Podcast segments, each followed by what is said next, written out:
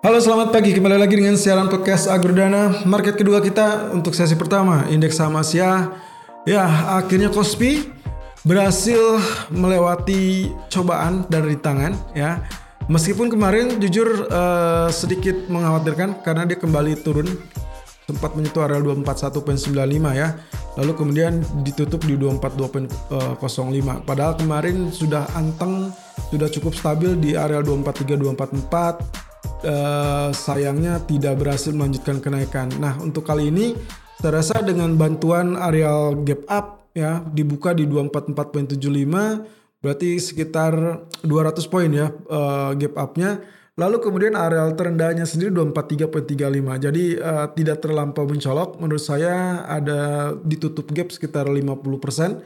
Jadi ini sudah sudah cukup stabil menurut saya, bukan areal kenaikan yang popong atau yang kosong. Jadi kemungkinan potensinya bagaimana? Potensi selanjutnya dia masih akan memiliki PR. Nah kali ini cukup lumayan ya 247.25 sebagai area tertinggi. Uh, range kurang lebih 400 poin. Dan kalau Anda ingat di satu pekan terakhir saya sempat mengingatkan ada PR yang besar menanti itu di area 248.70.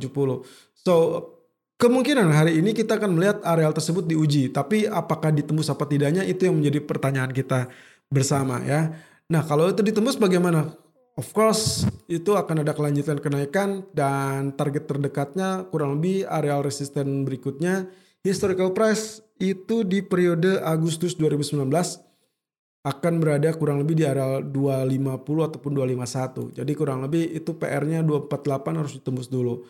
Tapi so far so good ya. Lalu kemudian kalau misalkan kita lihat sendiri dari grafik keempatnya, Update-nya kurang lebih seperti yang sempat kemarin saya katakan ada uh, uh, bullish flag bagian pertama, lalu ada bullish flag bagian kedua. Bullish flag bagian pertama bentuknya dia rectangle tapi mengarah turun.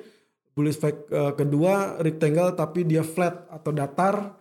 Dan kali ini menurut saya sudah mulai tembus ya area resistennya. Jadi bisa di follow sebetulnya ya.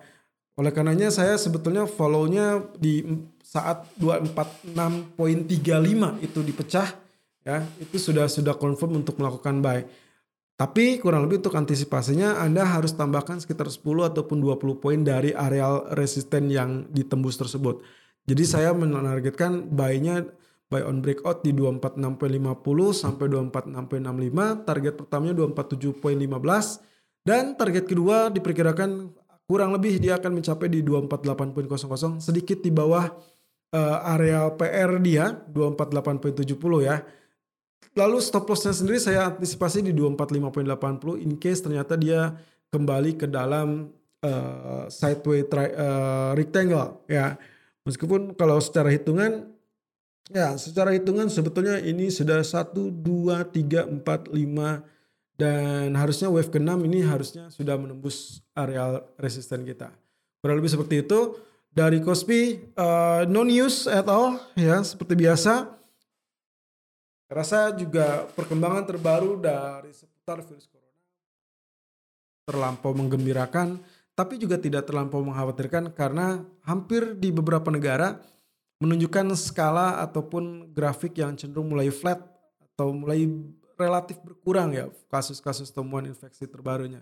Mudah-mudahan Indonesia juga seperti demikian, uh, walaupun kita masih juga bertanya-tanya kapan semua ini ber berakhir, pandemi global ini berakhir, bukan saja bukan hanya di Indonesia tapi juga mungkin seluruh dunia. Semua berharap vaksin ataupun keadaan baik itu iklim ataupun cuaca berubah dan juga membuat perubahan yang signifikan untuk uh, pandemi global tersebut. Oke, demikian untuk ulasan Kospi. Selalu gunakan stop loss dan risk management sesuai dengan equity dan strategi trading Anda.